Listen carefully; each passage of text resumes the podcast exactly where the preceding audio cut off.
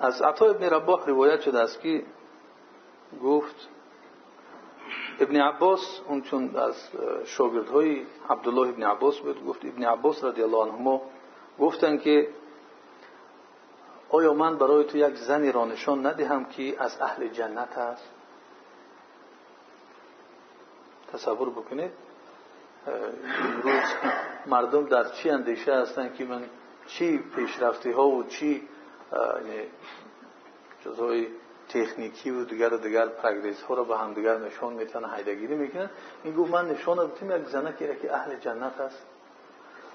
پس گفت که بله.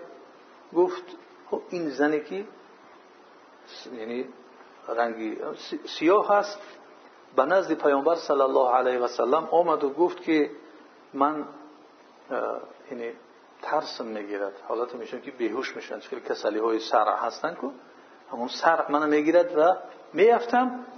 و وقتی که میافتم سطرم کشف می‌شود. دیار میادم جایی که باید سطر شوم پس برای خدا برای من از خدا دعا کن که من خداوند شفا بتویه و من یعنی کشف نشم. پیامبر علیه السلام برای او چی گفت؟ این شئت صبرت ولک الجنه و شئت دعوت الله ان یعافیه. اگر بخواهی صبر کن و برای تو جنت است و اگر بخواهی برای تو دعا, دعا می‌کنی که الله سبحانه و تعالی شفایت امروز مثل این کسل ها در جامعه ما هم مثلا بسیار است. و این را بسیار مردم عیب می‌دونند یا شر می‌دونند از این چیز. ما گفتیم که بعضی چیزهایی که در اختیار انسان نیست. این جای شرم نیست. جای شرم آن است که انسان قلبش بیمار است. انسان به خدا علاقه نداره. عمرش میگذرد نمی‌دونه که با خدا چه خیلی مناسبت بکنه. در فکر آن است که یکی یک کس نبینه که من ترس می‌گیرد من بیهوش میشم. این جای عیبش نیست. روز قیامت همه می‌بینن که ایمان نداشت یا اینکه در ایمانش ضعف بود یا اینکه بر ضد ایماندارا کار کرد. همه می‌بینن. این از جای عیب.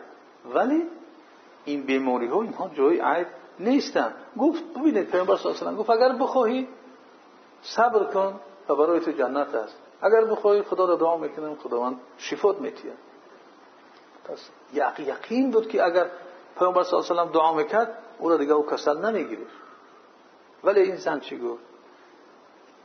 من گفت صبر می‌کنم و گفت که من همون سطرم کشوده می‌شوم از خدا دعا بکن که همین چیز کشوده نشود سطر من.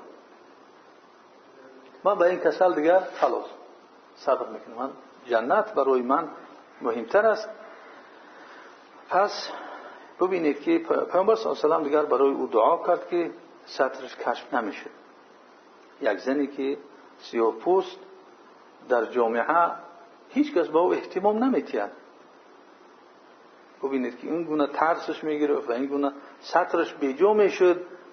پس وقتی پیامبر صلی الله علیه و با او پیامبر صلی الله علیه طلب کرد که دعا بکند برای او این گونه توجیهات داد و این گونه پیشنهادها کرد و اون صبر را اختیار کرد از در این کسل بودنش. ولیکن گفت که من مثلا صبر می‌کنم.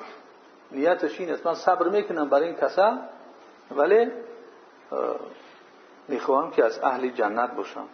ولیکن صبر نمی‌کنم یا طاقت ندارم که عورت من کشف شود.